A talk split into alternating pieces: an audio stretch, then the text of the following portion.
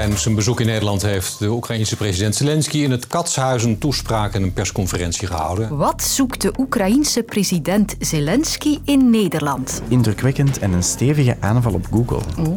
Bing, dat is eigenlijk een betere naam, hè? Volgens Microsoft zal het de manier van zoeken op het internet fundamenteel veranderen. Dat is dan moeilijk om je voor te stellen. Ja. Gaan we binnenkort niks meer googelen op het internet, maar bingen? Stel nu dat uh, jij beschuldigd wordt van moord, maar je hebt het echt niet gedaan, hè? En je wilt dat aanklagen. Dan is het dus in België nog nooit gebeurd dat ah. iemand zoals u gelijk krijgt. En hoe kan je toch nog de onschuld van een veroordeelde bewijzen? Ik ben Sophie van der Donkt. Geef mij een kwartier voor de antwoorden. Welkom. Vorige vrijdag was het, had ik hier een gesprek met Marijn Trio over Oekraïne. Ik vond dat het nieuws over de oorlog wat op de achtergrond was geraakt. Maar kijk, de afgelopen dagen is het conflict toch weer alomtegenwoordig. Dit zijn beelden van de vermeende aanval van vannacht. We zien een vliegend object naderen richting de gebouwen van het Kremlin. En dan volgt een explosie, gevolgd door rook. Volgens Moskou gaat het om een Oekraïense droneaanval. Oekraïne zelf ontkent alvast elke betrokkenheid. We don't attack Putin or Moscow. Generaal Sirskizin speelt op het op handen zijnde grote lenteoffensief van Oekraïne. Ook de minister van Defensie zegt dat alles daarvoor in gereedheid is gebracht. Rusland voert intussen opnieuw grootscheepse luchtaanvallen uit. Daarbij werd een chemische fabriek in Pavlograd getroffen. Er is van alles aan de gang en vandaag is de Oekraïense president Zelensky op bezoek in Nederland. Dag Jeroen Rijgaard. Dag Sophie, goedemiddag onze Nederland-expert. Dus uh, de juiste man om eens uit te leggen waarom is Zelensky net nu, vrij vroeg in zijn buitenlandse trips, al op bezoek in Nederland vandaag? Ja, dat heeft een aantal redenen. Hè. Maar uh, niet onbelangrijk is toch wel dat Nederland het land is waar premier Rutte uh, premier is. En ja, Rutte is eigenlijk op Viktor Orban na de langstzittende premier in de Europese Unie. Dus als je bij Rutte op bezoek gaat, dan heb je een goede ingang richting Europa. En Rutte, ja, en, en Zelensky, die twee, dat klikt wel. Hè. Ze zijn allebei erg joviaal. Uh, Rutte heeft zich ook van in het begin helemaal achter Oekraïne geschaard in die oorlog. Uh, heeft ook forse taal gebruikt. Dus op dat vlak is dat een logische keuze. En daarnaast, en er is discussie over, is het nu per toeval of is het echt bewust uitgekozen, is het in Nederland vandaag 4 mei, dat is de dag van de dodenherdenking, waar dus de slachtoffers die in de oorlogen gevallen zijn herdacht worden. Een dag ook waar het gaat over de gruwel van oorlogen. Dus qua symboliek kan dat natuurlijk wel tellen. En dan natuurlijk Den Haag, daar is het internationale strafhof. Het strafhof waar uh, een paar maanden geleden ook een klacht ingediend is tegen de Russische president Poetin. Ja, dat Zelensky daar nu is op de dodenherdenking in de Vredestad met premier Rutte. Ja, symbolisch is dat wel erg belangrijk. En dat strafhof is misschien nog het belangrijkste van al? Jazeker, hè. dat is wel echt het uithangbord ook van die stad. En ja, dat is de plaats waar Poetin potentieel ooit veroordeeld kan worden. Daar ga ik nog even op doorvragen. Dankjewel, Jeroen. Alright, Sophie, salut. Hè. Salut, dag. En ik kon daarvoor terecht bij Chris van den Wijngaard, hoogleraar strafrecht Hallo. en zelf oud-rechter bij het Internationaal Strafhof. Het bezoek van Zelensky is volgens haar meer dan alleen maar symbolisch. Wel, het Internationaal Strafhof is een onderzoek al bezig en ze hebben nu ook een bureau opgericht in Kiev een bureau van het strafhof dat het onderzoek zal mee coördineren. Want het is duidelijk dat het strafhof niet alles kan doen, dat het altijd in samenwerking zal moeten zijn met Oekraïne. Het, gewoon het aantal van, van de misdaden die gepleegd zijn is enorm. Er zijn duizenden, tienduizenden misdaden gepleegd. Om die allemaal te vervolgen, zal niet gaan. Men zal een selectie moeten maken. En dus ik kan mij voorstellen dat dat een van de gesprekspunten is van Zelensky met de voorzitter van het tribunaal, rechter Hofmanski, en met de aanklager van het tribunaal, Karim Khan. Zelensky drong vandaag ook aan op de oprichting van een nieuw tribunaal, het Poetin-tribunaal. Het probleem is dat het strafhof wel bevoegd is over oorlogsmisdaden en misdaden tegen de mensheid, maar niet voor agressie. En daarom wil men voor agressie nog een aparte rechtbank oprichten. En dus dat vind ik een heel slecht voorstel. Ik denk dat het veel beter is van het in Den Haag bij het internationaal strafhof te doen. En dat kan dan wel niet voor agressie vervolgen, dat is juist. Maar dat kan onmiddellijk optreden. En die kan heel zware straffen opleggen. Dus laat ons het doen met de middelen die we nu hebben en geen nieuwe rechtbank nog gaan oprichten. Want dat gaat financieel zeer belastend zijn, uiteraard. Dat is politiek misschien toch niet zo'n goed idee. En dat is praktisch heel, heel moeilijk. En ik weet niet hoe dat dan, dan moet om dat allemaal te coördineren. Dus dat zou ook wat dat betreft een nachtmerrie zijn. Dus of we Poetin voor dat tribunaal gaan krijgen, eerder dan voor het internationaal strafhof, dat zijn identiek dezelfde problemen. Dus men gaat dat niet oplossen door zo'n nieuwe rechtbank op te richten. Want dat blijft toch het doel: Poetin berechten. En daar verwees Vladimir Zelensky vandaag zelf nog naar met een kwinkslag. Today, of course, we all want to see different Vladimir here in The Hague. Ja, de, kans dat Poetin in Den Haag wordt beoordeeld, dat is um, voor het moment eigenlijk onbestaande. Dus ook na, naar het internationaal strafhof dat zo'n aanhoudingsbevel heeft uitgevaardigd, dat kan eigenlijk niet worden uitgevoerd zolang Poetin niet van de macht verdreven is in Rusland of zolang hij zich niet begeeft op het grondgebied van een land waar ze hem kunnen aanhouden. Maar dat zal hij ook niet doen natuurlijk.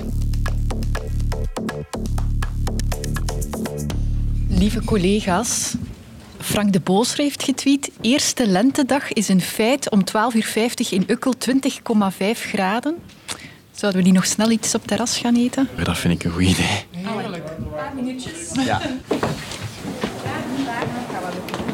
Parelcouscous en zalm. Ah, chic. Ja, goede kaas en baguette. En boter. Ik ga straks uh, die uh, internetzoekmachine testen. Met Bram. Bing. Bing, ja. De nieuwe Bing. Zou je het kwartier kennen? Dan, dan weten we dat het een goede zoekmachine is. is. Ja. Ik heb mij voor een laptop gezet met onze technologiejournalist Bram van de Putten. Want Bram, je bent onder de indruk, mag ik dat zeggen, van ja. Bing.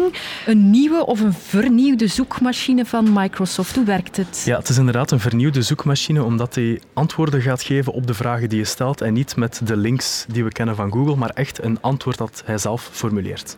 Kunnen we Bing eens op de proef stellen? Ja.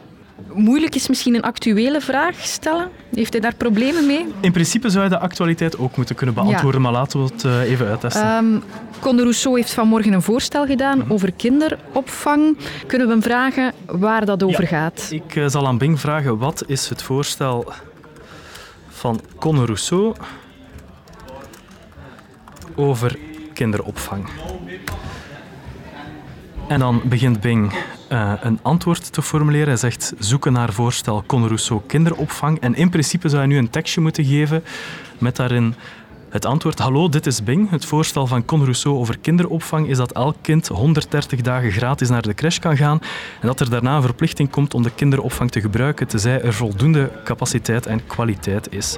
En dan volgt er nog van alles. Hij wil dat er een schoolplicht komt vanaf drie jaar en dat ouders die geen Nederlands spreken taallessen krijgen. Kritiek staat er ook al bij. Ja. Uh, CD&V en Groen vinden dat hij de vrije keuze van de ouders niet respecteert. Dus we hebben al het voorstel zelf en al en wat reacties, reacties ja. erop.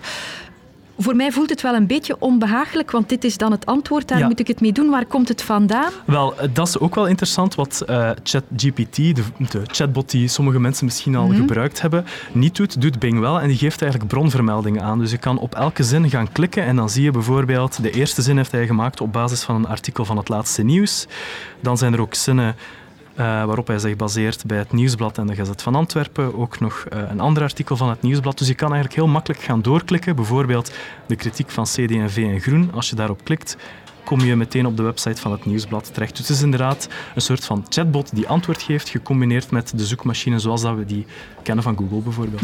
Zijn er dingen waar Bing het nog moeilijk mee heeft? Zou hij, Bram, bijvoorbeeld onze podcast Het Kwartier kennen? Het kwartier kan van alles betekenen, Ja. maar kent hij ook de podcast? Ken je het kwartier of schrijf ik er podcast bij? Uh, proberen we met het kwartier. Ken je het kwartier? En nu ben ik ook benieuwd wat eruit komt. Hoe algemener je vraag is, hoe moeilijker een chatbot het heeft. Bijvoorbeeld krijgen we nu een paar opties. Het zou een luxe wooncomplex in Amsterdam kunnen zijn, een cultureel centrum. Maar ook een vierde van iets, zoals een kwartier in tijd. Ehm, ja, je moet wel specifieke opdrachten geven. Als het algemeen wordt, dan hebben chatbots het vaak moeilijker. Kijk je de podcast, het kwartier. Ik denk dat dit wel het juiste antwoord zal opleveren. Het duurt wel nog even. Maar is in elk geval al naar, aan het zoeken naar podcasts. Ja, ik ken de podcast Het Kwartier. Het is een dagelijkse podcast van VRT Nieuws, waarin Lode Roos en Sophie van der Donkt drie nieuwsverhalen uitleggen en analyseren. Voilà, dat is er boek Dat is er boek ja. op, ja. Um, ik ben hij vraagt, trouwens, hij vraagt trouwens, luister je vaak naar deze podcast? Ik oh. kan ja antwoorden. Ja, dus interactief ook. Ja, inderdaad. Gaan we in de toekomst dan bingen en googlen vergeten? Ik denk dat dat een beetje de grote droom is van Microsoft, dat we allemaal aan het bingen gaan en uh, ja, dat Google uh, op het achterplan verdwijnt. 90% van alle zoekopdrachten wereldwijd gebeuren nu via Google en Microsoft wil daar een marktaandeel van inpikken. Het is een miljardenbusiness, gaat enorm veel geld in om. Dus het gaat ook wel echt ergens over. En, en Microsoft is ervan overtuigd dat dit de toekomst is van, van zoeken, van hoe we zoeken op het internet. Um, en Google voelt dit wel, want ze zijn enorm zenuwachtig bij Google op dit moment. Misschien wel een kleine revolutie. Dankjewel, Bram.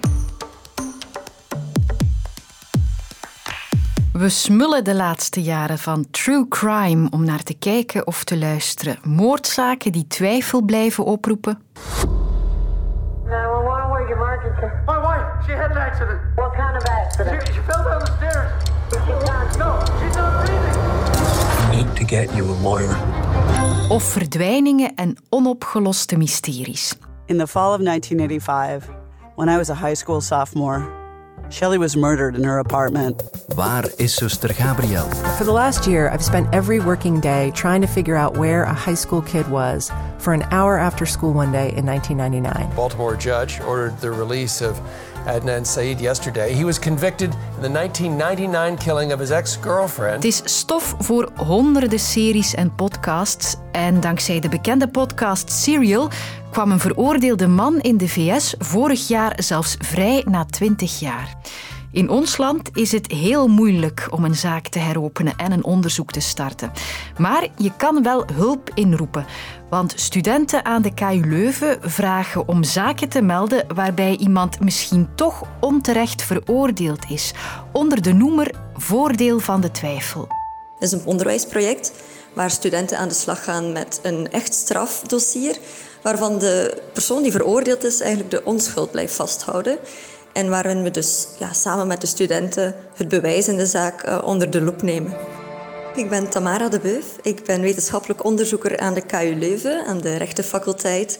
En ik ben uh, begeleider in het project Voordeel van de Twijfel. Studenten rechten, criminologie en forensische wetenschappen worden losgelaten op oude rechtszaken. Met hun eigen specifieke kennis en blik bekijken zij het oude strafdossier en lezen zij ook het dossier vanuit hun expertise. Maar de studenten hebben ook de gelegenheid om bijvoorbeeld naar de locatie, naar het plaatsdelict te gaan, of in ieder geval de, straat um, of de buurt. De eerste zaak die we gedaan hebben, waar we een reconstructie gingen doen. Het was met uh, een, schietincident, uh, een schotwonde. En waar we keken van, ja, klopt het als um, het schot zo afgevuurd werd dat we die bloedspatten terecht zien op de muur bijvoorbeeld. Die kleine onderzoekjes worden gesteld, maar het is eigenlijk vooral nog uh, een, een, echt een analyse van het dossier. Daar zitten soms ook oudere dossiers bij en dat kan best uitdagend zijn. Een van de moeilijkheden daarbij is, als ik, ik denk dan bijvoorbeeld aan verhoren van getuigen en verdachten. Tegenwoordig, zeker bij ernstige zaken zoals moordzaken, worden de verhoren opgenomen. Vooral de verhoren met de verdachten, die worden opgenomen en die kunnen we dan nadien nog bekijken van hoe werden de vragen gesteld, waren dat suggestieve vragen, werd er druk uitgeoefend. En vaak in die oude zaken, zeker zaken van twintig jaar geleden, is het zelden dat er opnames beschikbaar zijn en dat stukje van het onderzoek kunnen we dan niet uitvoeren, helaas. Officieel zijn er in België geen gevallen van mensen die onterecht veroordeeld zijn. Geen rechterlijke dwalingen dus, zoals dat heet. Maar dat betekent nog niet dat ons gerecht onfeilbaar zou zijn. Ja, dat, dat denken dat veel mensen dat hopen en dat dromen. Maar we zien toch wel signalen hier en daar dat een, een onterechte veroordeling toch gebeurt. De factoren die, die uit onderzoek in andere landen naar voren komen, zijn factoren die evengoed van toepassing zijn op ons rechtssysteem. Het zijn rechtspsychologische factoren of het feit dat wij gewoon als mens denkfouten hebben en die denkfouten ook ons werk kunnen beïnvloeden. Dus ook experts die betrokken zijn bij zo'n strafdossier, die kunnen beïnvloed worden door die denkfouten. En dat kan ook in een dossier sluipen. En natuurlijk zijn er checks en balances die zorgen dat uh, fouten op tijd ontdekt worden. Maar er zijn aanleidingen en signalen dat er wel onterechte veroordelingen ook hier in België gebeuren. Maar die zijn dus nog niet erkend. Maar wie weet zet dit onderzoeksproject wel iets in gang. Het kwartier is in handen van Lode Morgen. Tot de volgende. Stel dat je de gsm van een BV in handen krijgt, met toestemming om eens door alle apps te gaan kijken. Sander Gielis maakt zijn droom waar in Sandermans Zaken. Een nieuwe podcast, nu in de app van VRT Max.